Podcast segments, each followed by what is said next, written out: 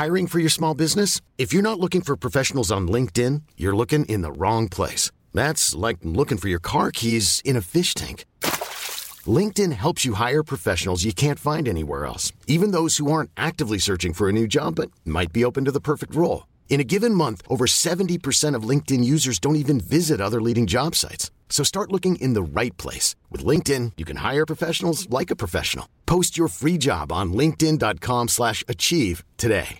Ready to pop the question? The jewelers at BlueNile.com have got sparkle down to a science with beautiful lab-grown diamonds worthy of your most brilliant moments. Their lab-grown diamonds are independently graded and guaranteed identical to natural diamonds, and they're ready to ship to your door. Go to BlueNile.com and use promo code LISTEN to get $50 off your purchase of $500 or more. That's code LISTEN at BlueNile.com for $50 off. BlueNile.com code LISTEN. Hei og velkommen tilbake til Null stress!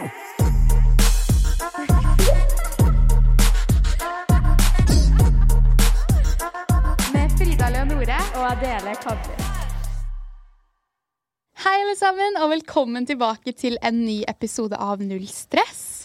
I dag skal vi prate om vertsfamilier. Ah, vi gleder oss så mye, og jeg har også lagt ut en Instagram-spørsmålsrunde hvor jeg har fått så mange spørsmål av dere hvor dere har stilt spørsmål om vertsfamilier og generelt utveksling, så denne episoden blir nok veldig basert på deres spørsmål. Så det er veldig gøy. Men aller først, hva har du gjort i det siste, Adele? Um, det har jo vært vinterferie. Det har vært vinterferie! Egentlig bare slappet av. Eh, jeg har sluttet jobben min Oh my god. Ah, Men- Vita. Ja, hvorfor? Hva Nå er ah, liksom alt fokuset på podkast. Ja, Så da føler jeg at det blir alt kommer til å bli mye bedre. officially Så lenge. podcaster. Ja, officially. Det er så gøy å si at man er en podcaster. Ja, det er sånn, Hva er jobben din? Nei, jeg er en podkast. Høres litt useriøst ut, da. Kjempegøy. Hva sa sjefen din til det?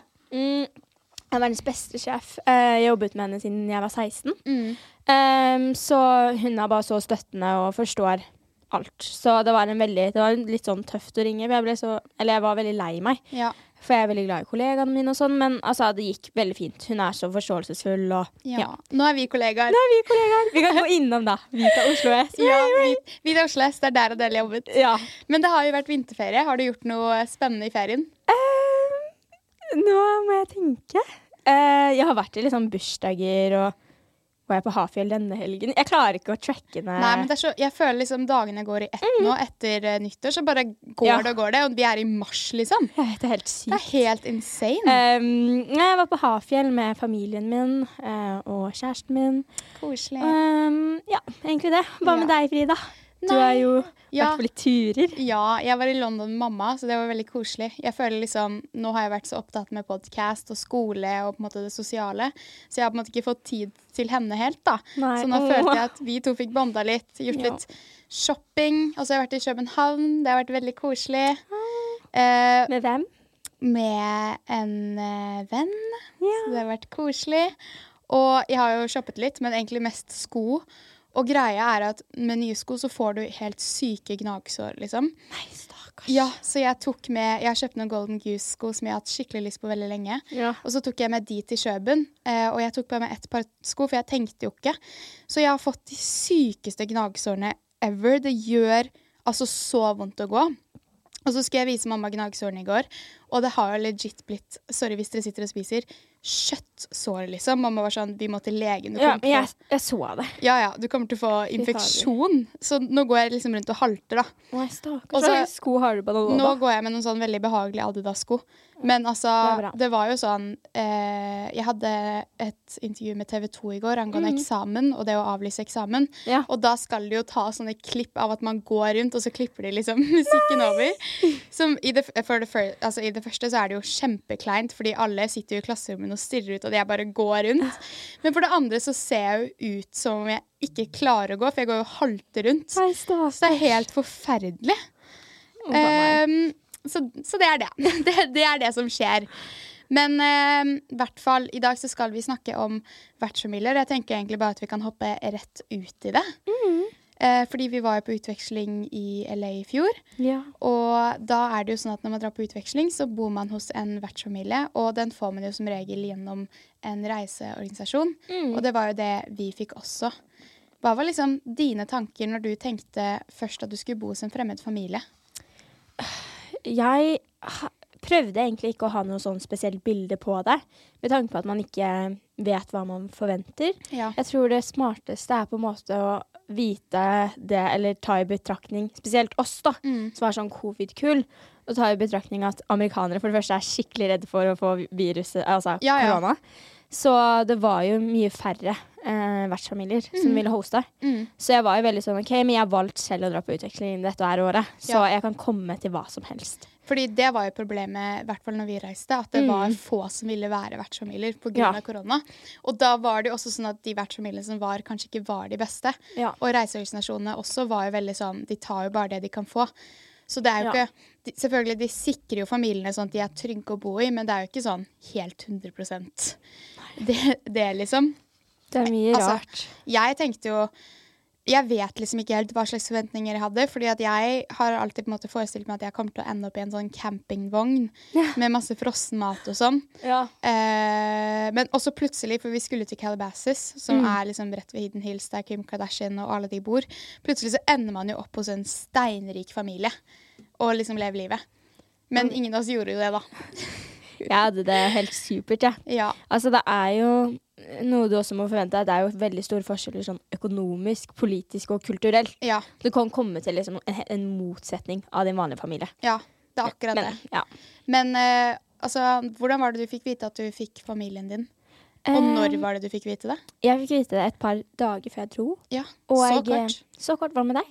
Ja, jeg fikk vite dagen før, jeg. Ja, dag, åh, ja det er verre. Det, er det Ja. var krise. Det var liksom eh, krise for at jeg ikke skulle få familie, så at jeg måtte shit. få en midlertidig familie først. Heldigvis Mm. gikk det fint, da, men Ja, fy fader. Men du fikk en veldig bra familie, da. Til at du fikk ja, den dagen før. det fikk jeg. Jeg fikk jo sånn eh, En familie som egentlig ikke skulle ha. Ehm, eller først fikk jeg en familie hvor jeg aldri kom til. Fordi jeg fikk eh, Jeg viste bildene til eh, den daværende kjæresten til broren min. Mm. Uh, som viste det til en venninne som hadde vært på utveksling. Så kjente hun igjen bildene. Oh, ja. Så han fyren som jeg skulle til da bo hos, han hadde overvåkningskamera, drev og overvåket de som bodde der. Oh. Så um, da sendte hun meg en liksom lang, lang uh, melding, så jeg kunne bruke henne som referanse. Oh, shit. Men, Men du fikk ikke den? Nei, pappa var sånn Det går ikke. Nei. Men um, um, Men så fikk jeg jo en ny en, som også var sånn der eh, siste liten familie. Ja. Og der eh, skjedde jo litt ting, da, Det som vi kan prate om etterpå. Men eh, du kom jo direkte til din. Ja, altså jeg fikk, Så- først, jeg fikk først en familie, uh, men så fikk jeg den ikke allikevel, for de cancela på meg. Tuller du? Greia er at Man må jo skrive et sånt brev om seg selv, og Ja. liksom sånn type Day in my life, hvor du på en Mm. måte skriver litt sånn hvem du er og sånn. Så jeg var litt sånn Å nei, vil de ikke ha meg? Jeg ble, bli rejecta. Men så fikk jeg Jeg husker den dagen jeg fikk vertsfamilien min, og det var Jeg lå og sov. Klokken var sånn syv, jeg hadde vært ute dagen før, så jeg var så sykt bakfull, liksom. Og så stormer mamma og Fredrik inn, og jeg skjønner ikke hva som skjer. Og så sier de 'Familien hurts'. Jeg var sånn 'hæ?' Og de var sånn 'Familien hurts'. Jeg var sånn 'hva skjer?' Og de var sånn 'du har fått vertsfamilie'. Og jeg var sånn 'å nei, for jeg har jo fått de som eier Hurts'. For jeg trodde liksom de eide det. Biler, liksom? Ja, ja, Oh det oh leiestedet. Men de gjorde jo ikke det, da. Um, men fortsatt, de var jo Jeg skjønner ikke hvordan du kobla de Nei, nei, jeg vet ikke, altså. Men også greia at man skal jo ha sånn FaceTime-samtaler før man får Ja. familien sin. Eller i hvert fall den reiseorganisasjonen jeg reiste med, hadde jo det. Så det Jeg bare husker den FaceTime-samtalen første gang jeg så ansiktet til vertsforeldrene mine. Brad og Laura sitte der. Og jeg var så nervøs. Jeg var sånn Jeg skal bo hos disse et år. Ja, helt merkelig. FaceTimet du vertsmoren din også? Eh, ja, jeg ringte henne, og det var egentlig veldig greit, men hun var sånn Hun var jo uinteressert, da. Ja, hun var. Sånn veldig. Ja. Ville ikke si hei til mammaen min. Oi, liksom shit. Så, men det var eh, den første familien som jeg endte opp med å bli kasta ut fra, da. Ja. Så det er ikke den jeg endte opp med. Nei, for du ble kasta ut. Ja. Ja. Nei, altså That's a whole That's a whole, no, oh, okay. That's a whole other story. Ja. Men ehm, jeg skjønte at jeg ble kjempegira når jeg Mm. facetima min familie, fordi at de sa liksom alle turene de skulle ta meg på, og sånn. Og at vi skulle stå på ski og alt sånt der. Så jeg var sånn Å, jeg gleder meg så mye. Eh, og så sa de også at jeg skulle sende bilde av antrekket mitt eh, før jeg reiste på flyplassen, så de skulle finne ut hvem jeg var. Og så sendte jeg bildet sånn, prøvde å være litt sånn kul, for hva slags bilde skal man sende til vertsfamilien sin? Sånn Sånn speilbilde. Ja, speilbilde. Så jeg var sånn I'm ready to go, like on my way to the plane. Da, da, da. Og så fikk jeg ikke noe svar. Så når jeg landet i LA, så så jeg bare at de ikke hadde svart, og jeg ble så stressa. Bare nå har de også cancela. Ja, ja. Og, og greia er at eh, de møtte jo ikke opp på flyplassen heller. Fordi de, de er alltid sene. Vertsfamilien min er så treige mennesker. Så de kom ikke i tide. Så jeg ble jo dødsstressa, fordi alle verts, eh, utvekslingselevene møtte jo vertsfamiliene sine, men jeg bare satt der og ventet på dem, liksom. Men så heldigvis sendte Brad meg melding og sa at de var utenfor, da. Ja. Ja. Det var bra, da. Så jeg, Hvordan var første møte? Altså, det første møtet var um, Det var veldig rart, fordi jeg husker vertsfaren min, Brad, var mye lavere enn jeg tenkte. ja. Sånn lav og rund og søt. Men han hadde, han hadde tatt med sånn plakat med et norsk flagg hvor det sto sånn 'Welcome, Frida'. og da tenkte jeg sånn så koselig de var. Ja. Så satte jeg meg i bilen, og så var vertsmoren min Laura kjempesøt. Og det var liksom sånn det mest normale i hele verden, sånn, for de hosta sånn ti elever før meg. Så det endte egentlig bare opp med at vi dro til Malibu og spiste pizza. Og jeg husker bare når jeg satt der, så tenkte jeg sånn Shit, nå sitter jeg i Malibu på en strand og spiser pizza med to fremmede mennesker som jeg skal bo hos et år. Det er så bisart. Ja! Hva med deg? Hvordan var ditt første møte? Altså, jeg ble henta sist av alle utvekslingselevene. Så jeg hadde jo ikke SIM-kort eller noe, så jeg var jo sånn Jeg fikk jo ikke kontakt med dem før en liten stund. Mm. Um, og da var det ikke vertsmoren min sparte ikke, fordi det var tydeligvis dattera som skulle hente meg. Oh, ja. Så Men ja, det, jeg venta der i en liten stund, og så gikk alle sammen Alle vertselevene dro jo på en måte, og fikk jo sin familie. ja. Ehm, så det var litt kjedelig. Men så kom jeg dit, og det var egentlig ganske greit. ja. Til jeg kom inn i Hva var, ja, hva var førsteinntrykket ditt? um, Dattera var alltid veldig sånn grei, Ja. men hun bodde et annet sted. Ja. Hun bodde i eh, en annen stat, så okay. um, hun var liksom ikke der uh, noe spesielt. Men jeg merket jo kanskje at de var litt slappe, da, på en måte. Ja. Sånn um, For eksempel at de ikke gledet seg til å møte meg med alle de som sto med skilt, og de var ikke engang hjemme når jeg kom hjem. Og Oi. Det var liksom bare sånn hei. Og så så jeg liksom rommet, og så var det liksom ikke noe ordentlig dør. Jeg hadde jo sånn gardinting. Oh, ja, shit. Så um, Ja, fordi Ja, hvordan var huset og rommet ditt? Um, det var jo egentlig greit. Det var, det var jo ikke noe pult der. Jeg byttet jo rom etter hvert. Mm. Um, fordi jeg, Det første rommet hadde jeg ikke en dør, men det var liksom sånn greit. Det var en gardin. Mm. Avlukkes. Det er sånn. Jeg er ikke så kresen, føler jeg. Nei. Men så fikk jeg en vertssøster, og da ble vi flyttet inn på et rom som ikke var riktig uh, Det var ikke um, godkjent. Oh, ja. Og det var liksom veldig lite. Det var en halvmeter mellom uh, de små sengene våre. Så alle ting var liksom skyvd under senga, da, alle tingene jeg eide og sånn. Så det var jo ikke optimalt for to stykker å leve sånn, da. For vi gikk jo Jeg satt jo på senga liksom hvis hun skulle ut døra. Det var ikke ja, fordi du delte rom med Ja, en annen. Hvor var hun fra? Hun var fra Italia. Hvordan var det? Det var jo spennende på starten. Ja. Um, men så ble det jo Hun tok jo litt ting av meg, og klær og bare brukte Ja. Hun ga det jo tilbake, men det var liksom sånn plutselig så var liksom min bildekrans Ja. Hun hadde fjerna alle bildene mine, Oi, shit. tatt den på sin side og hengt opp sine bilder. Det var liksom sånne ting som var litt sånn merkelig, da. Som, ja. Så mm, ja, det funka jo for så vidt. Jeg, jeg sa aldri fra. Så det var jo Nei. litt min skyld også. Jeg Ja. kunne jo sagt Men jeg hallo. skjønner jo at man Men, ikke sier eh, ifra. I hvert fall ikke ja. når man ikke kjenner hverandre. Mm. Jeg heldigvis Så- hadde jo ingen vertssøsken i begynnelsen. Nei. Men de hadde jo først, eh, altså, vertsfamilien min hadde jo tre biologiske barn fra før. Mm. Så hun ene vertssøsteren min, Jenna, bodde jo hjemme når jeg kom, men vi delte jo ikke rom. Nei. Hadde jo, det- du hadde jo jeg kom hjem til deg, så rommet ditt og var sånn wow. Ja, ja, så jeg var kjempeheldig. Når jeg kom til huset, så tenkte jeg sånn Å, så koselig amerikansk. For amerikanske hus er veldig sånn lav under taket. Det er ofte én etasje, men det er veldig sånn stort areal. Ja. Eh, og så kom jeg inn, og så viste de meg alle rommene, og det var kjempekoselig. Jeg hadde en hund som het Milo, og veldig søte. Eh, så, men så fikk jeg først et rom som jeg egentlig ikke skulle ha. Jeg skulle ha det i sånn fire måneder, og så byttet jeg til et annet rom, og jeg elsket rommet jeg fikk. ja. Det var liksom stor seng, det var blå vegg, svært speil. Altså, jeg likte det rommet bedre enn det jeg har i Norge, for å være helt ærlig. Savner du det? Skikkelig. Det var liksom vibe. Ja, det var, det. det var en vibe. Og så stylet jeg det jo sånn, da, så jeg gjorde det på en måte til mitt eget. Så det, men jeg husker jo også at jeg i begynnelsen så var jeg jo veldig sånn stressa for at de liksom egentlig ikke ville hoste meg. Ja. Eller at jeg følte veldig at jeg var til bry hele tiden. Mm. Så for eksempel første kveld så var det liksom sånn Når jeg la meg til å sove, så var det sånn Skal jeg gå ut og si god natt, eller Ja. hva gjør jeg? Og så på morgenen også Jeg var jo kjempejetlagd, det var jo sikkert du også.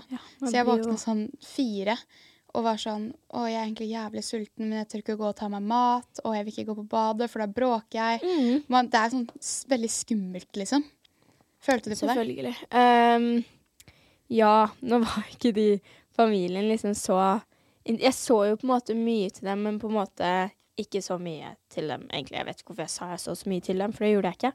Um, så nei, jeg følte egentlig at jeg eh, bare var der, og jeg gjorde ikke så mye ut av meg. Jeg sov Jeg klarte å være oppe hele det døgnet, så oh, ja, shit. jeg la meg våkne til vanlig tid. Oi, så deilig. Det var helt merkelig. Men det må vel ha vært litt deilig å ha hun italienske vertssøsteren din i begynnelsen, for da var dere to. Ja, men hun kom etter hvert. Og hun kom etter hvert. Så jeg bodde på det ene rommet, og så flyttet vi sammen. Skjønner. Um, og det, det var egentlig veldig greit. Uh, Ja. Vi bare kommuniserte ikke så veldig godt og sånn. Nei. Så um, Ja, fordi jeg husker at uh, jeg syntes det, det var litt kjipt. da. Ikke at Mm. jeg, for jeg var veldig heldig at jeg slapp å dele rom, ja. men jeg syntes det var kjipt at jeg var alene. Fordi Mm. at da følte jeg liksom at det bare var meg i huset. Det var ingen på en måte, andre vertselever jeg kunne relatere til. Og så Ja. hadde jeg jo blitt venn med andre nordmenn på flyplassen. Så jeg snakket jo med dem, og de ble, hang jo liksom med hvert, vertssøsknene sine og sånn i begynnelsen. Og jeg var sånn Å, hvem skal jeg være med? Nei, det skjønner jeg. Og vi kjente jo hverandre ikke så godt heller. Nei, jeg vet. Men vi ble jo Vi møttes jo på skolen først. Vi møttes på skolen. Mm. Ja. Man hadde jo et par dager der før alene. ja. Eh, da husker jeg ikke hva jeg gjorde, for å være helt ærlig. Da tror jeg jeg hang på senteret og sånn, jeg. Jeg husker at de hadde sånn eh, vertselev poolparty-greie Ja. hos eh, vertsfamilien til Benny, hvis dere har sett på TikTokene mine. Så har hun vært med en del. Um, og da tenkte jeg sånn Å, shit, jeg har fått så nice vertsfamilie som har Mm. hostet liksom for alle. Så da møtte jeg alle utvekslingselevene, da. Men det viste seg jo at hun moren som hosta for Benny og de andre, var jo gæren. Ja. Altså, hun, hun eh, De fikk bare lov til å sitte i stua på søndagene, og så spiste de bare frossenmat. Og det er jo egentlig bare lov til å hoste to vertselever om gangen, men hun Mm. hadde liksom forskjellige organisasjoner, så hun hosta jo Var det seks jenter, liksom? ja. Jeg skulle egentlig også dit. Ja, det er jo helt sykt. Wow. Og det er jo ikke lov i det hele tatt. Så Nei. Benny ble jo Vi tok jo på en måte Benny inn, da, Ja, i eh, vår familie. det var jo så snilt. Ja, det var veldig koselig. For vi pleide jo å ha sånn Friday night shabbat, fordi Mm. familien min var jøder. Så da hver fredag så pleide vi liksom å drikke og spise god mat. Og da fikk jeg også ha med venner. Så da tok vi med hun. Og du var jo også med et par ganger. Ja, det var så gøy.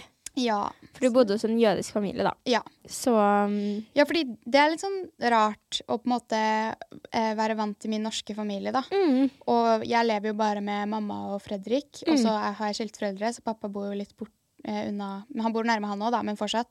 Eh, å komme til en sånn familie hvor for det første så er de jøder, og så, så de har en annen tro. Ikke at det Mm. har noe å si, det syns jeg bare er gøy.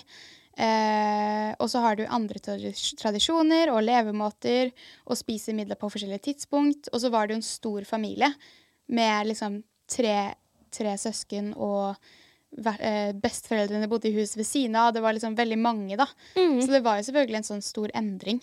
Selvfølgelig. Men jeg syns jo også at det var veldig koselig, for da fikk jeg på en måte opplevd en skikkelig sånn familiegreie. Det er jo det som er meningen. Ja. At man skal liksom møte en litt sånn typisk amerikansk familie, da. Ja, og så følte jeg, eller føler veldig på det, for jeg har familie i San Francisco, at amerikanske familier er veldig mye mer opptatt av at de på en måte Eller i Norge så danner man på en måte familie ven, gjennom venner. Så vennene du er med, blir på en måte familien din. Mens i USA så er det litt sånn at familie er familie, og det er på en måte de du er med også på fritiden. Ja. Nesten litt. Dere var jo veldig Eller de var jo veldig flinke på middager og shabbater og sånn. Ja. Så det var jo veldig sosialt. Men hva med deg? Fordi du fikk jo Du kom jo til en eh, ganske fraværende vertsbord. Kan ikke Ja. du snakke litt om det? Jo, um, så jeg var jo der. Um, jeg fikk Vanligvis så skal man jo ha mat. Tre Mm. måltider eller noe sånt. Mm. Um, men jeg kjøpte jo da alt av frokost og sånn selv. Mm. Uh, så jeg hadde jo da et lager med havregryn og spiste det hver dag. Og jeg tror jeg spiste middag der fire ganger til sammen, og jeg bodde der i en og en halv måned. Bestilte ikke du sånn Toro tomatsuppe også? Ja, jeg hadde masse Toro tomatsuppe um, som jeg lagde. Så spiste jeg alltid um, mat som jeg bestilte, og spiste på rommet mitt. Mm. Um, og så eh, Det var jo liksom sånn Vertsmoren min var jo litt sånn spesiell. For eksempel, jeg husker veldig godt eh, da vi var ute og spise, eh, spiste. Mm. Så var hun veldig streng med sånn Du må komme hjem da. Mm. Og selvfølgelig. Jeg var jo sånn ja ja.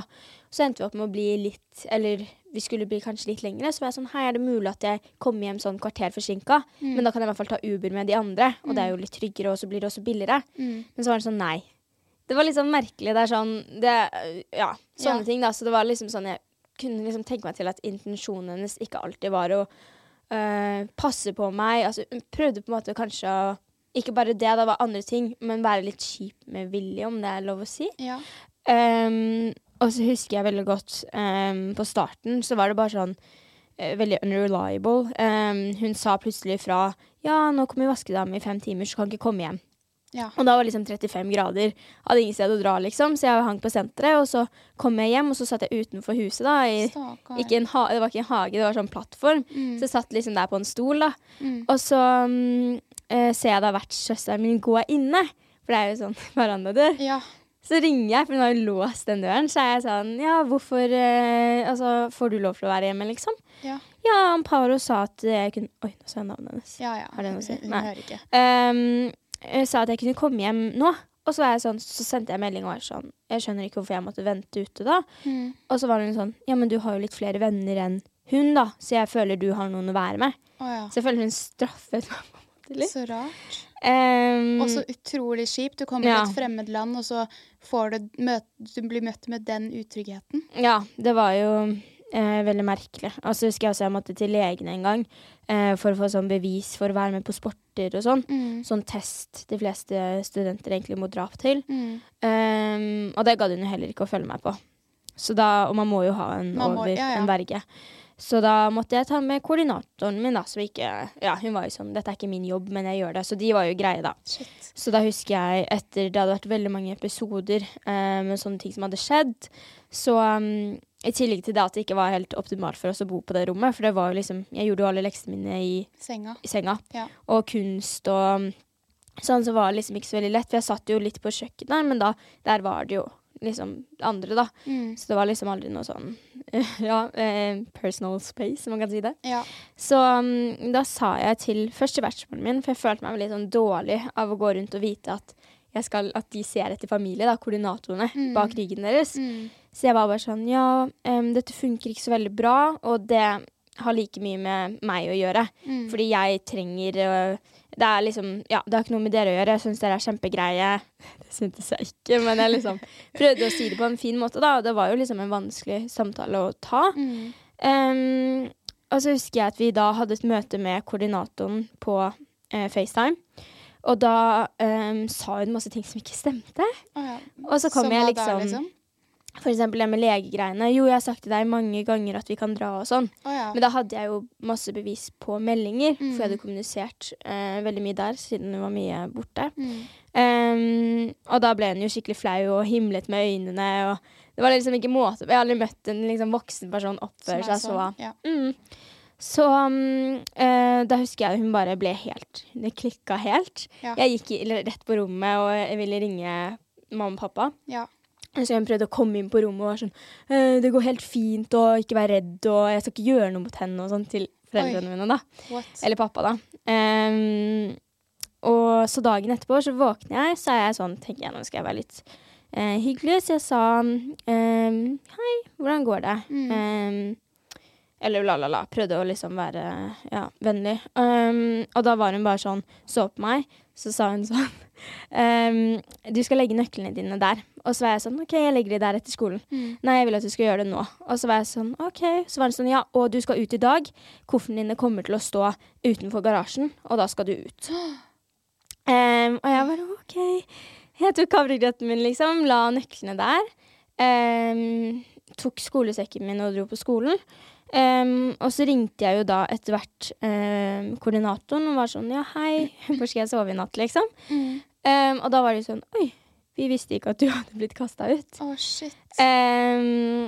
Så det, de beklagde veldig. da Det var sånn, Vi trodde ikke hun var i stand til å gjøre noe sånt. For jeg advarte jo dem og var sånn Kan jeg please flytte, liksom? Eh, og da var jo du veldig støttende, Ja, og liksom uff. alle verts... Alle folkene var så støttende, så det hjalp skikkelig mye. Men og jeg altså- er jo ikke den eneste som sitter i en sånn situasjon. Nei, nei, men jeg husker jo at du Um, kom på skolen og var sånn Jeg måtte levere nøklene mine i dag. Jeg var sånn Ja. Hæ, hva mener du? Jeg Var sånn, Nei, jeg ble kasta ut. Det var helt merkelig. Så jeg, sykt å gjøre. ja, så um, Nei, men eh, eh, jeg har liksom Mye av dette har jeg fortrengt, fordi jeg syns den tiden var så slitsom. Ja. Men eh, da var jo Tobias, vennen vår, på Ja. utveksling sånn Å, du kan sikkert bo hos oss. Så jeg kom jo da Han ringte vertsmoren, hun sa det var greit. Jeg kom da med koordinatoren på døren eh, på kvelden. Mm. Og da var det sånn Ja, hun kommer sikkert til å bo her i tre dager, sa koordinatoren min. Som Ja. ble til tre uker, da. Shit. Um, Men, hvor lenge var det du bodde hos den første familien før du bytta? en og en halv. Måned? Ja. ja. Hva, hva med hun italienske? Hun bare ble? Eh, ja, hun vet jeg ikke. Jeg tror hun ble.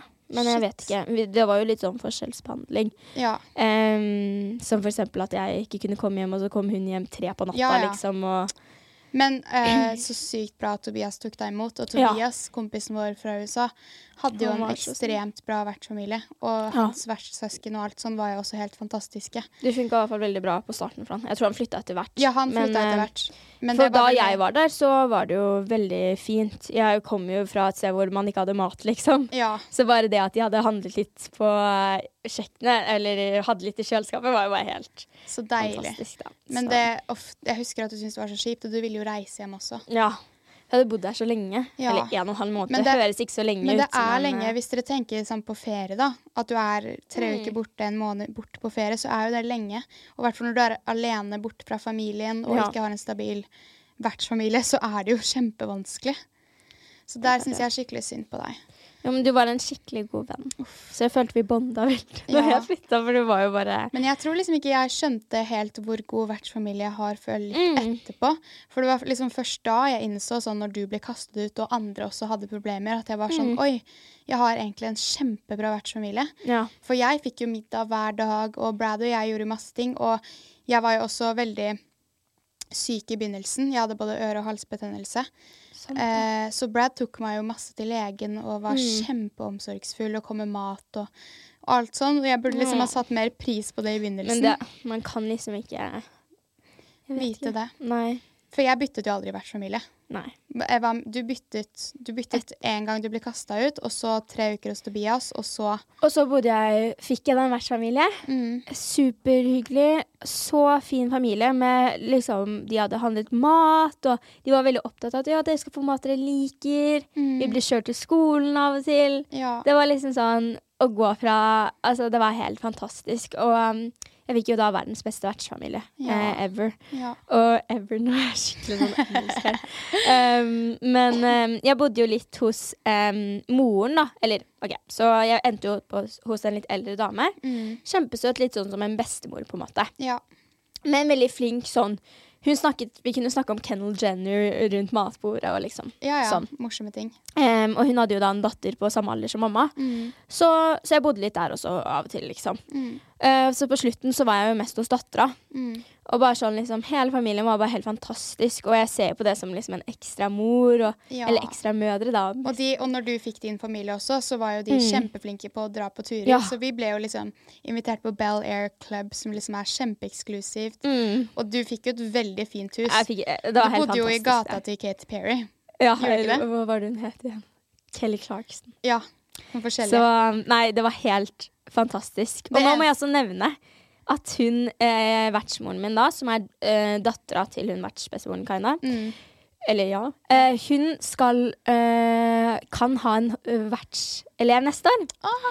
Men hun vurderer å ha den privat, for det er litt sånn struggles. Du må komme deg til skolen med Uber eller Ja. finne deg en ride. Det Ja. er liksom hovedproblemet. Ja, for du bodde langt unna skolen. jeg bodde ganske langt unna. Ja. Um, jeg tok jo Uber en stund, Mm. men det blir jo veldig dyrt, så man må jo på en måte finne en litt mer permanent løsning. Mm. Men hun kan i hvert fall, så hvis noen er interessert i det, så kan hun i hvert fall ha en eh, elev eh, nå, eh, august nå. Ja. Eh, jeg trivdes så godt. Um, Ja, så Send melding på Instagram. send melding til meg på Instagram. Å, så koselig. Men eh, opplevde du at den vertsfamilien var veldig strenge? Nei, Nei. absolutt ikke. Nei. Åh, jeg var sånn, jeg blir helt Altså, jeg blir nesten lei meg, for jeg savner dem så mye. Mm. Og de var liksom, de var veldig sånn respektfulle. Til og med hun jeg bodde hos først, som var, liksom, måte, som var mammaen til hun jeg endte opp med å bo med senere. Mm. Hun var veldig sånn eh, Hun lot oss være ute om kvelden og liksom Ja, dra på hva dere ville. Ja, for du var mye, du var mye ute på klubber, og du hadde jo ikke noe innetid. Uh, nei, jeg hadde strengt tatt ikke innetid. Kunne du drikke med hun også? Eh, nei. Nei. Men de var ikke strenge på alkohol. Nei. det er sånn, hva kan man si? Hva kan man si, hva kan man ikke ja, si? Nei, si men eh, selvfølgelig, man, jeg og Frida drakk jo, Ja. obviously. Det var ikke sånn De kjøpte ikke drikke til meg. Men, For å si det, Men på den, måten, jo- ja. For å si det på den måten, Brad og Laura, mine vertsforeldre, hadde jo hosta ja. så lenge nå at når jeg kom, så var det bare sånn Ja, her er reglene fra, fra Explorers, så leste vi gjennom, og så var de sånn Vi gir egentlig litt faen. Ja. Oi, nå sa jeg Explorers òg. her er reglene fra reiseorganisasjonen. Ja. Ja, whatever. Men vi ga jo litt faen. Altså Ja. på de sjabattene, i hvert fall. Så- Det var jo med shots og drugs og hele pakka, liksom. Det er helt sykt. Men Så vi, jeg hadde også en superchill vertsfamilie. Det eneste mitt problem var bare at de var litt strenge på innetid. mm, Eller ikke så strenge. Hvis jeg var ute, så ville de helst at jeg skulle være inne til klokken tolv. mm, Mens hvis jeg på en måte var hos noen, eller var liksom på en fast fest, så Mm, kunne jeg være så lenge jeg ville. Men det var derfor jeg overnatta mye hos deg, da, hvis Ja. vi dro på klubber og sånn. altså, vi kan jo si at de var ikke så strenge, fordi hver gang folk ble fulle, så var det meg de kom til. Ja, det sånn. det er akkurat Og det. det var sånn, altså jeg husker en gang, spesielt etter ball, så var det et par som hadde overnatta. Mm. Og da lånte de klær av vertsfamilien min, og liksom sånn. Vi fant koselig. eh, den ene i busken, og det var liksom Det var helt crazy. Den ene eleven, vertseleven. Uh, ja. Oh, så Jeg vil ikke nevne navn, jeg vet ikke om du vil si det. Men, Nei, Um, så nei, de var jo egentlig ikke strenge. Jeg skjønner ikke hvorfor jeg nølte med å si det. si det. Men jeg, var litt, jeg er litt sånn Hva er greit å si, og hva er ikke greit å Jeg si? tror på en egentlig du kan si det meste. Ja, Men vi altså får håpe det. Ja. Altså, og vertsfamilien min også var jo veldig sånn Jeg kunne liksom gjøre hva jeg ville. Mm. Uh, og vi hadde en veldig åpen relasjon. Ja. Og det tok jo veldig kort tid fra at jeg var litt ukomf, kanskje bare en uke, Mm. før jeg på en måte følte at Jeg på en måte kunne snakke med dem om alt og på en måte fortelle dem hva jeg kunne Ja. eller ville. Og jeg hadde jo også vors og sånn, mye vors og sånn hos meg før fester, og jeg fikk jo også ha fester hos meg. ja. Eh, så det var jo veldig Du irriterte jo bare litt eh, Ja. greier. Men det eneste problemet, da, som jeg kanskje opplevde, var Mm. at det var jo veldig mye Vertsfamilien var veldig glad i å på en måte feste. Ja. Så det var mye alkohol, og i USA så er det jo også lov med marihuana. ja. Så de var veldig glad i å ta marihuana. De tok det hver kveld, egentlig. Ja. Eh, så det var en gang eh, jeg var på sånn homecoming-fest, og Mm. så hadde jeg Jeg ble veldig full. Og hvis man på en måte blir tatt av organisasjonen eller politiet, så blir man jo sendt direkte hjem. ja. Og så greia var at politiet kom på den festen, og det var i downtown LA. Og jeg lurer på, var du der? Eller Nå kanskje jeg. Jeg er litt usikker. Nei, jeg dro hjem tidlig. Men det var, da, kom det noen gutter, da kom det noen gutter fra Calabasas som skulle ta oss videre på et afterparty. Mm. Eh, men bilen var stappfull, og det var politi og sånn, så jeg fikk ikke plass i bilen. Så det endte opp med at jeg sto i downtown LA helt dritings. Det var 40 minutter til Uberen min skulle komme. Eh, og så ringte jeg Brad og var sånn Hi, I'm so sorry, can you come pick me up? Mm. Og så hadde han tatt drugs, så han Nei, kunne ikke han hadde tatt drugs. Det høres helt forferdelig. Så han kunne ikke komme og hente meg. Så da sto jeg der og var livredd, og så kom politiet bort til meg Nei. og var sånn Are you okay? Og jeg var sånn eh. Og så bare løp jeg. Og det var så skummelt. Så gjemte jeg meg bak, og så skulle jeg egentlig gå til Chick-fil-A for å søke, søke hi. Hvis dere ikke har spist Chick-fil-A før, det er det beste jeg vet. Ja. Men det er, det er søndagsstengt, for de er så kristne. sant Og det var jo natt til søndag. Så det var helt Så jeg hadde liksom Jeg hadde tatt Maps, gått 20 minutter til Chick-fil-A, og så var det stengt. Og greia at In-N-Out var rett ved siden av, men In-N-Out er jo bare ute, for det er drive-through. ja. Så jeg gjemte meg i busken på In-N-Out, og så møtte jeg noen italienere, da, så de tok vare på meg. Det gikk Ja, det fint, men det var bare ja. traumatiserende. Å, fy fader. Og det var så kleint dagen etterpå med Brad. For det var sånn Hei, hei. eh, Og han var sånn Is everything okay? And are you safe? Og jeg var sånn Ja, ja. Og så, ja, Det var jo kjempetraumatiserende, egentlig. Ja, fordi først det å ringe vertsforeldrene sine Ja. er litt sånn åh. Og i hvert fall i begynnelsen. Det var jo Mm. helt i begynnelsen. Ja. Så det er jo litt sånn in the first place er det litt sånn skummelt. ja, ja, men da føler jeg da fikk dere på en måte en litt sånn quick eh, Ja. Dere ble kjent fort, da. Mm. Eller ikke kjent, men liksom brøt. eh, Brøt den isen, typ. Mm. Mm. Eh, men fordi de også var veldig glad i å drikke, og sånn, så opplevde jeg jo kanskje litt sånn drikkepress Mm. i den familien. At jeg på en måte måtte bli skikkelig full hver fredag for å ha det gøy. Ja. Og vi dro jo på veldig mange turer. Mm. Vi dro til Las Vegas eh, en gang, og da fikk jeg lov til å ha med Benny, så Mm. det var veldig gøy. Men da også var det liksom sånn shots klokka ti om morgenen med vertssøsteren min. Og, men det var jo veldig gøy, da. Mm. Men jeg bare kunne ikke levd sånn lenger enn et år, tror jeg. Nei, det er jo uvant, og Ja. noe man ikke er vant til. I hvert Ja. fall hvis I hvert fall min pappa drikker jo ikke alkohol. Nei, ikke mamma heller. Um, så for meg hadde det vært helt Eller jeg vet ikke, man justerer jo seg etter familien, på en måte. Ja, Men det er jo uvant, ja, på en måte. det er det. Så Men ellers så var det jo kjempegøy. Vi dro Ja. jo også til Mammoth Mountains og sto på ski. Og de tok oss med til San Diego ja. og Big Bear, som er et annet skisted. Så det var jo veldig gøy. Og i Big Bear så fikk jeg også møte eh, på en måte resten av familien, sånn alle kusinene deres og sånn. mm. Og det var også veldig gøy. Ja, Det skjønner jeg. Men eh, greia var at jeg visste jo ikke at For det her var helt i begynnelsen. De tok Ja. meg til Big Bear kanskje tre uker etter at vi hadde mm, møttes. Så da, det var på en måte sånn jeg ble ordentlig kjent med dem. Ja. Og da visste jo ikke jeg at fetteren, fetterne skulle komme. Og han ene fetteren var jo eh, 02. Og han var ikke sånn spesielt kjekk. Men jeg tror det var noe med de shotsene klokka ti om morgenen som bare gjorde at jeg ble litt sånn Kanskje han er litt kjekk, og fikk litt sånn ølbriller. Ja. Så jeg endte jo opp med han, da. Det er koselig, da. Nei, det var På helt familiegathering. Du, det var helt krise. Og greia jo så er at de er jo så direkte. Så de spør jo direkte sånn Can I kiss you, liksom. Så han sendte meg jo meldinger mens vi satt og så på film med familien sånn Go to my room. Og sånn greier. Og jeg var sånn åh. Det er jo litt skummelt. Og når jeg våknet dagen etter Ja, jeg var redd for han. Jeg var redd for at han skulle bryte seg inn på rommet mitt. Når jeg våknet dagen etterpå, så var jeg sånn Hva, hva faen er det jeg har gjort, liksom? Og hver gang det var sånn, fordi vertssøsteren min Jenna giftet seg, så det var mye sånn fester og bachelor-greier og sånn for hun. Eh, og da samles jo hele familien. Og hver gang vi samles, så så jeg alltid han, og han prøvde seg hver gang. Og jeg var sånn Hvor dum var jeg? Måtte jeg ikke vært, vært fetteren min liksom første uka jeg er der? Nei, uff. Og Bradley fant jo ut av det til slutt. Hva sa de egentlig? Nei, greia er at jeg holdt det jo veldig heldig. Ja, Nei, hemmelig. Husker jeg. Men så sa jeg det til eh, forlovede til eh, vertssøsteren min, fordi at han og jeg ble jo veldig gode venner. Og da var jeg sånn uh, I kinda hooked up with uh, Ryan, eller vertsfetteren min. Og han var sånn Oh my God, you didn't. Og jeg var sånn Yeah. Så var det sånn Jeg skal fortelle det på første shabbat etter at dere har dratt. Og så filmet han at han sa det, og var sånn Frida hooked up with Ryan. Oi, Og reaks- hadde dratt hjem? ja, og reaksjonen rundt det bordet var bare helt krise. Å, det var så gøy. Og Brad mobber meg jo så mye for det nå. Han er sånn Kanskje det blir en, et ekte medlem av familien, da. Nei, det kommer aldri til å skje. Men vet du hva? Jeg kunne faktisk ha gjort det fordi den vertsfamilien er så bra. Ja, At du ville hatt dem som Jeg ville hatt den som vertsfamilie, liksom. Så det Ja. Og jeg, jeg, hadde, jeg fikk jo et veldig nært forhold til vertssøsteren min også. Mm. Vi dro jo og trente sammen, eh, og det var på en måte sånn vi ble veldig gode venner. Men i hvert fall, jeg ble jo veldig nær med hun, og nær med hennes venner. Så vi ble jo på en måte en gjeng, da, kan man Ja. si. Åh, Så det var veldig koselig. Det skjønner jeg.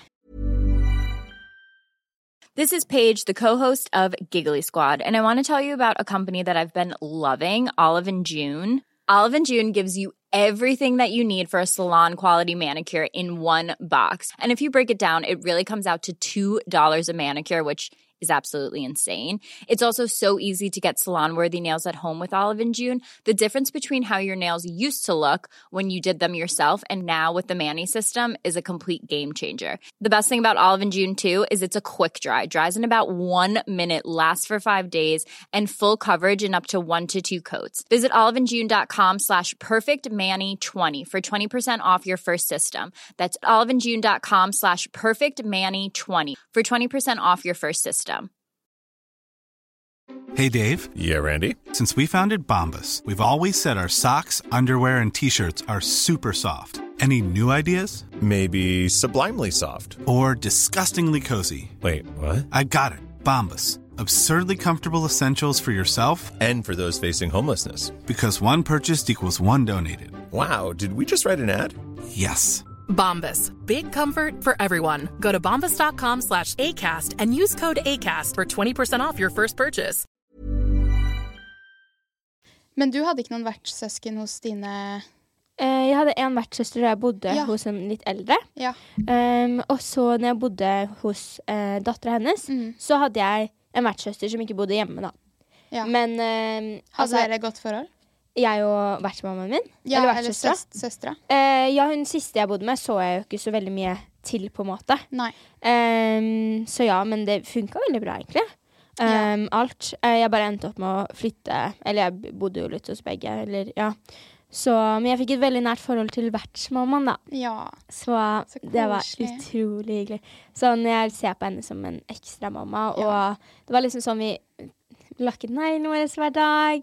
Jeg og hun Altså, siste um, halvåret så var jeg jo bare med henne i helgene, nesten. Ja. For da gikk jeg liksom fra det dra ut på klubb Ja. hver helg, Ja. um, torsdag, fredag, lørdag, liksom, Mm. til å um, bare henge med henne. Og jeg bare elsket det, fordi jeg pleier jo også, også å henge mye med familien min i Norge. Mm. Så vi dro liksom på roadtrips til Santa Barbara, Åh. spiste lunsj og shoppet, og bare sånn Ja. Så det var helt jeg, fantastisk. jeg føler sånn, Hvis du har en bra vertsfamilie, jo lenger du bor hos dem, jo mer Jo blir det din blir det. egen familie. ikke sant? mm. Så for, altså Brad og jeg fikk jo et helt spesielt forhold fordi jeg begynte med TikTok. Mm. Og han syntes jo det var så Ja. gøy å liksom lage de TikTokene. Og han, han tror jo legit at han er famous i Norge.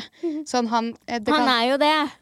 Ja! han kjempekjent. Host that Brad! Alle vennene mine var sånn Oh my god, hvordan er egentlig Hostad Brad? Ja, nei, men det er veldig Han er gøy. ekte. Og han er akkurat sånn du ser ham Ja, han er helt lik. Men sånn når jeg drar ut på fest, og sånn, så er det liksom folk kommer bort til meg og er sånn Hostad Brad! Så det, men i hvert fall, eh, da fikk vi på en måte det forholdet fordi det, ja, det ble et helt annet forhold, da. Mm. Ehm, og da merker jeg liksom sånn at han eh, kanskje behandlet meg mer som sin datter enn sin Ja. biologiske. Så det, hun ene jeg hadde jo to vertssøsken. Hun ene ble jo litt sjalu, Ja. egentlig. Hvem, hvilken, hva het hun? Samantha.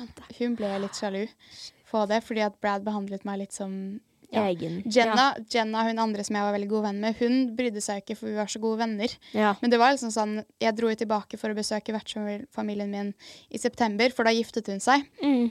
Eh, og da var det liksom at han ville at jeg skulle være med på bildene. Eh, Ja. I brudeparet og liksom være med på videoen og sånn. Og det er litt sånn, da ble, da ble Samantha sånn No, Brad! She's not in the family! Typ. Mens vertsbroren min var kjempemorsom. Han var sånn homofil, sånn skikkelig homofil fyr som egentlig har to liv. Sånn med familien så er han helt normal, men så i helger drar han til Mexico med alle sine homofile venner og har orgy, liksom. Jeg var helt gæren. der. Han var gæren. Shit. Så Det det, er jo litt men Brad tenker kanskje at han skal komme til eh, eh, Norge, Norge. i juni. Og han vil ha meetup. Tour of Norway, meetup. Så det skal vi ha. Men jeg tenkte at eh, nå som vi først snakker om Brad, vi skal ikke bare ringe han da Jo, og høre litt hvordan det går. det gjør vi. Jeg sa til Brad at nå er det jo litt tidlig i LA, så han er kanskje litt trøtt og sliten. Men um, det er jo veldig hyggelig. Om Brad er på. Let's call him. Skal vi se. Ringer det? Uh, ja. Det ringer. Jeg tror man må faktisk Oi. Oi, det kommer her. Svar. Hello. Hello! How are you? Good, Frida and Adele. How are you? We're good. Good. Now you're live you. on our podcast. I'm so excited. Thank you for inviting me. Of course. We're just talking about our host families and how, you know, we met and everything. Talked about Vegas and the fun stuff. Excellent. What are you doing? I was just waiting for your call and excited Aw. to talk to the Norwegian people. What time is it in Norway? No, I mean LA.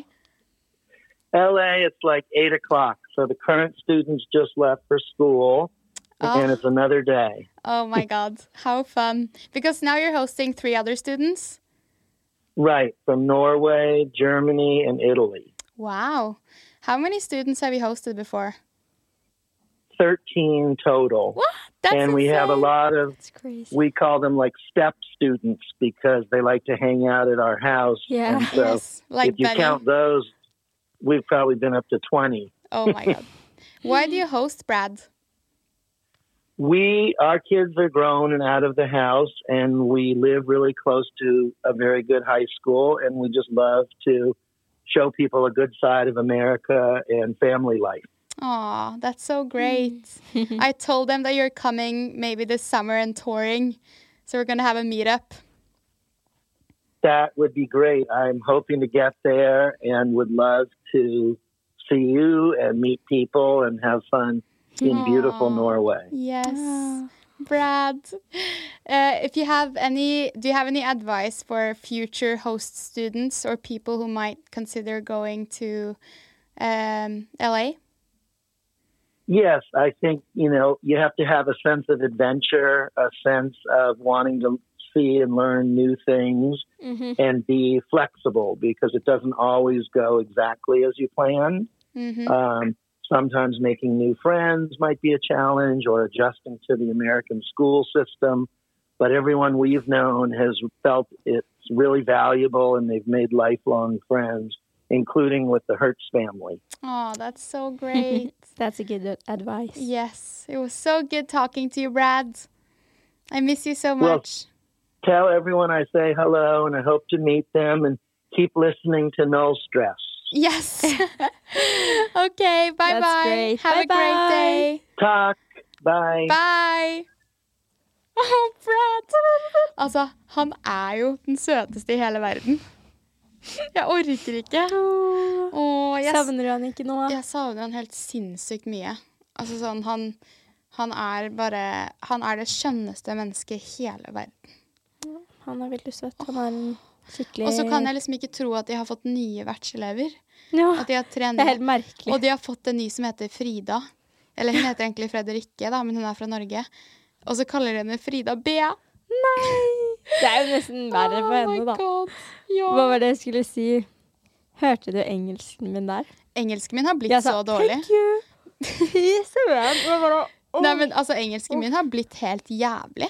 Han går eh, Altså, jeg merker når man ikke snakker det på en stund, så er det uvant. Ja. Men eh, OK. Men ja. Nå har vi jo snakket Altså, den her episoden Det kan godt hende det blir to deler. Ja. Nå har vi snakket eh, veldig lenge om på en måte, begynnelsen av vertsfamilie og liksom litt sånn våre tanker om det og sånn. Mm. Men som sagt så har vi fått en del spørsmål fra dere, så jeg tenkte jo egentlig at vi bare skulle gå gjennom, gjennom alle de spørsmålene nå.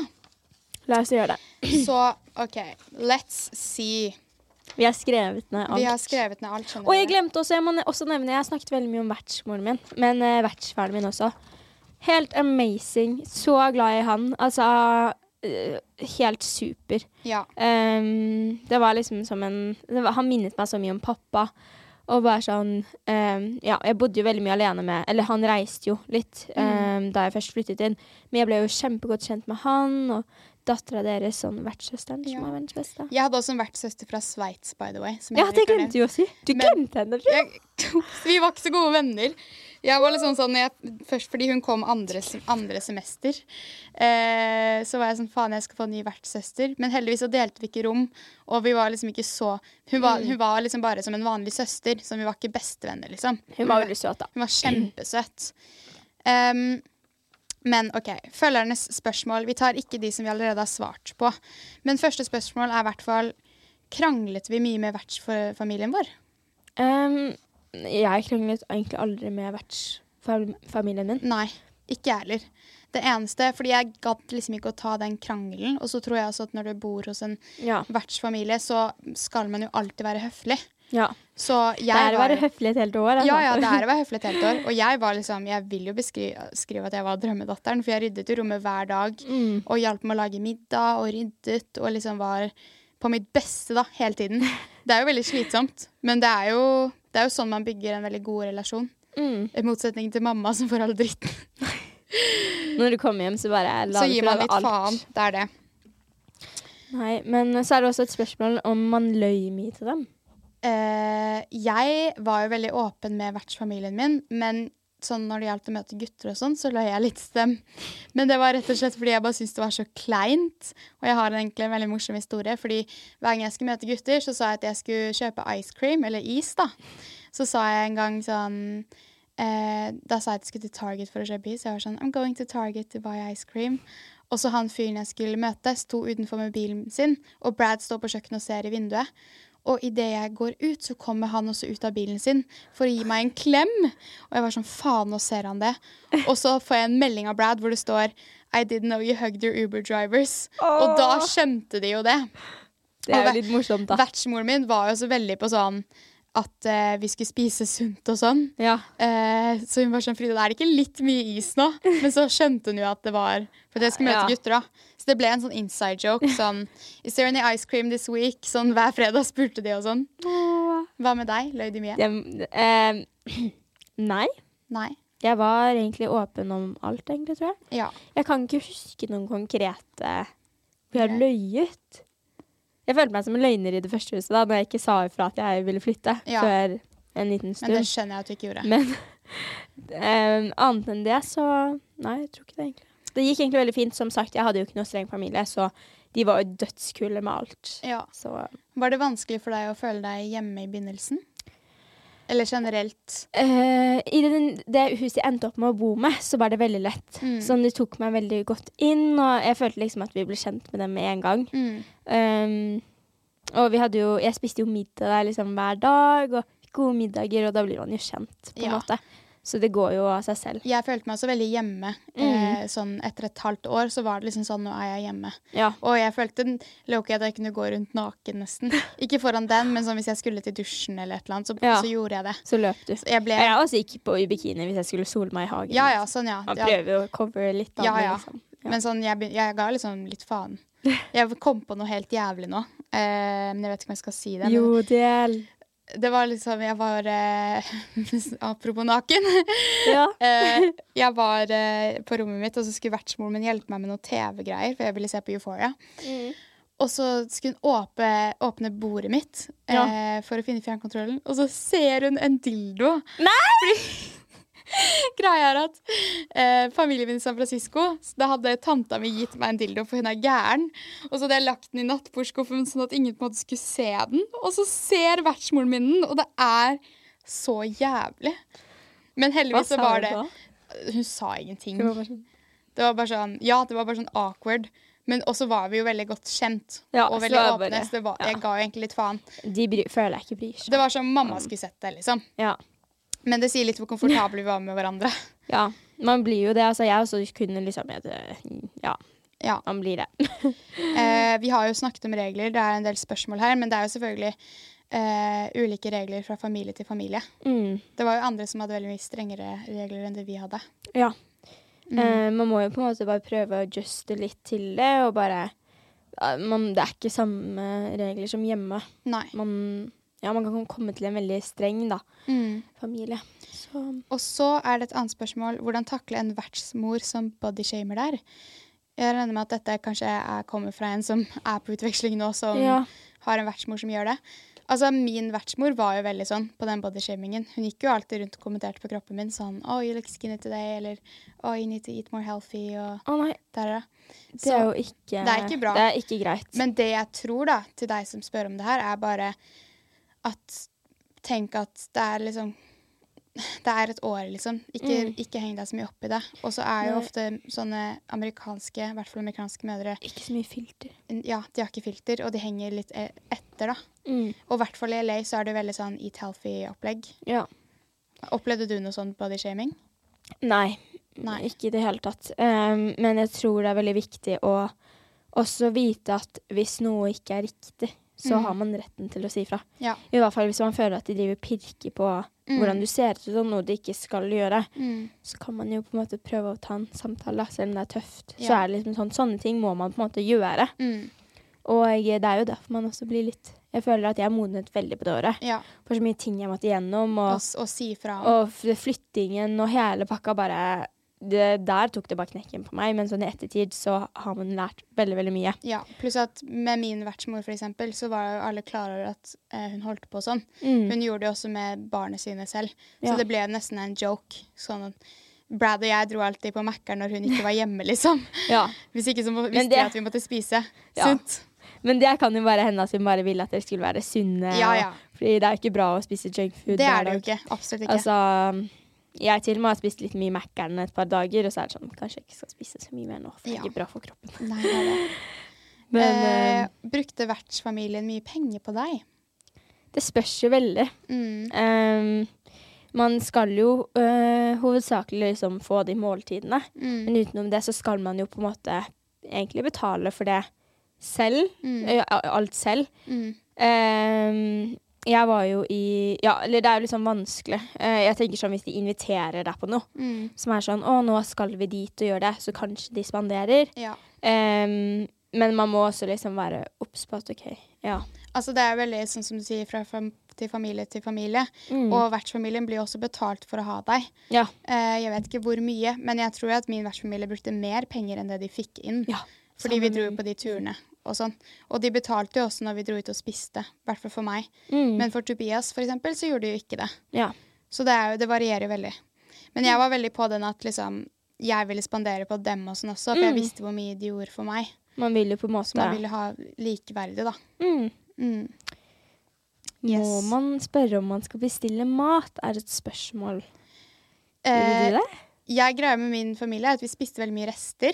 Mm. Og noen ganger så hadde jeg ikke så veldig lyst på rester, så det, på slutten her så endte det opp med at jeg bestilte mat. Ja. Det var jo litt sånn, Jeg syns det var litt kleint å bestille mat noen ganger, men man må jo bare gjøre som man vil. Og eh, jeg liker å spise middag veldig tidlig, så jeg tenkte aldri å spørre om det. Nei, fordi det var liksom ikke i middagstider. Nei. Jeg, Så det, ja. jeg tenker på en måte sånn at man kan jo på en måte si ifra om det er da man egentlig skal spise middag. Ja. Og være sånn ja, jeg har andre middagsavtaler, liksom. ja. Litt sånn som jeg gjør med mamma og pappa. Mm. Så de ikke lager middag til deg. Mm. Men hvis du uansett spiser noe annet, og man, for eksempel du da som spiser tidligere, så Ja. har du ikke så veldig mye å si. ja.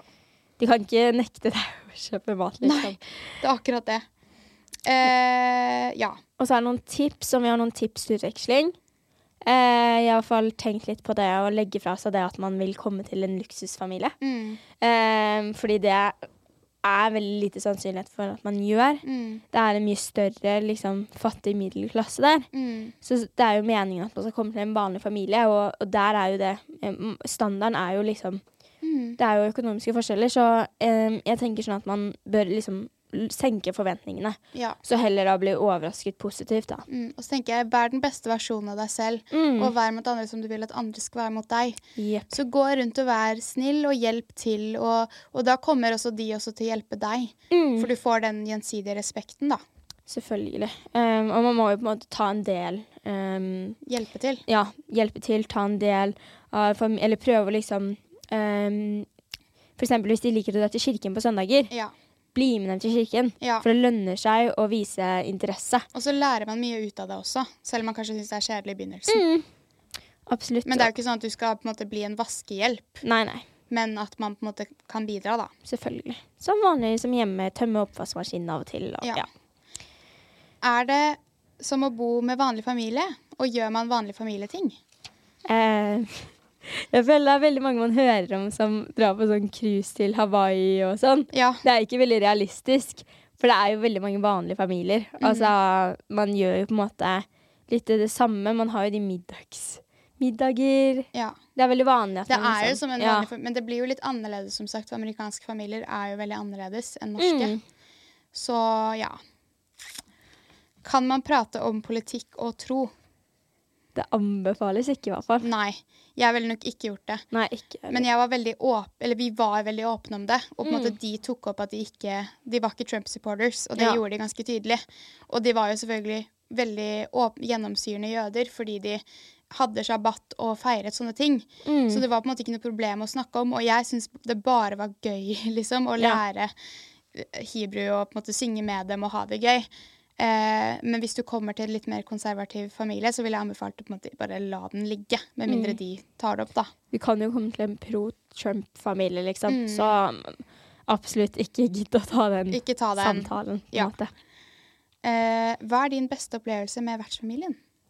Eh, det syns jeg er litt vanskelig, for det er så mange. Mm. Men uh, de kom jo og besøkte meg to måneder etter at jeg dro. Ja. I august så kom de og bodde med min familie, og det var bare helt fantastisk. Fordi det var så hyggelig å se dem møtes også. Mm. Ehm, og eh, ja, det, da dro vi også til Jeg ble med dem på ferie til Tyskland og Frankrike. Vi var i Paris oh. og liksom Åh, nei, jeg elsker dem som at det skulle vært min egen familie, liksom. Og da bodde vi jo også. Da reiser jeg med dem, og så bor vi i en leilighet og på hotell sammen. Og Oh. liksom på rom sammen. Så det er jo, man blir jo veldig vant til hverandre. Så. Ehm, så kanskje den beste opplevelsen var kanskje når de kom til Norge. Ja. For da kunne jeg liksom følte at jeg kunne gi noe tilbake. Mm. Og da fikk de møte mine besteforeldre og brødre og liksom mine venninner. Og ja, Ja. det var skikkelig hyggelig. Ja, jeg tror min beste opplevelse Det har jeg hatt så mange fine opplevelser, men det var nok da vi var i Mammoth Mountain, og det var ganske sent, og vi var Mm. overtrøtte. Eh, og vi bare hadde helt lættis, fordi e- de etterlignet meg og min aksent. Eller aksent. Og da, det var så gøy å bare sitte der og le med dem. Det var sånn skikkelig koselig opplevelse. Bonding experience. Ja. Har vi kontakt med vertsfamilien nå? Ja. Ja, det har vi. Absolutt. Eh, må man vaske klær selv? Eh, jeg Nei, vertsmoren min var vel den beste. Hun var jo som mammaen min, så hun Ja. fikk jeg en fleks, og jeg sånn oh my god. Og så var det sånn å, jeg fikser. Så um, ja.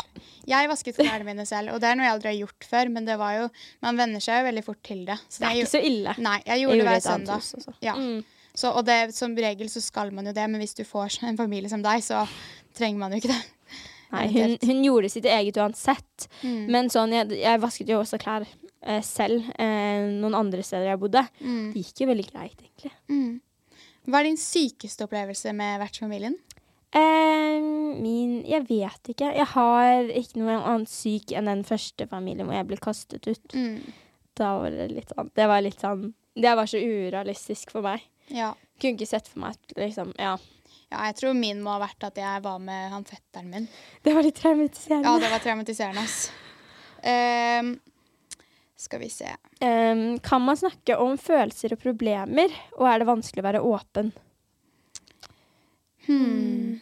Altså, ja, jeg følte at jeg kunne det, Mm. men jeg er samtidig ikke like åpen med dem som jeg er med vennene mine og med mamma. Ja.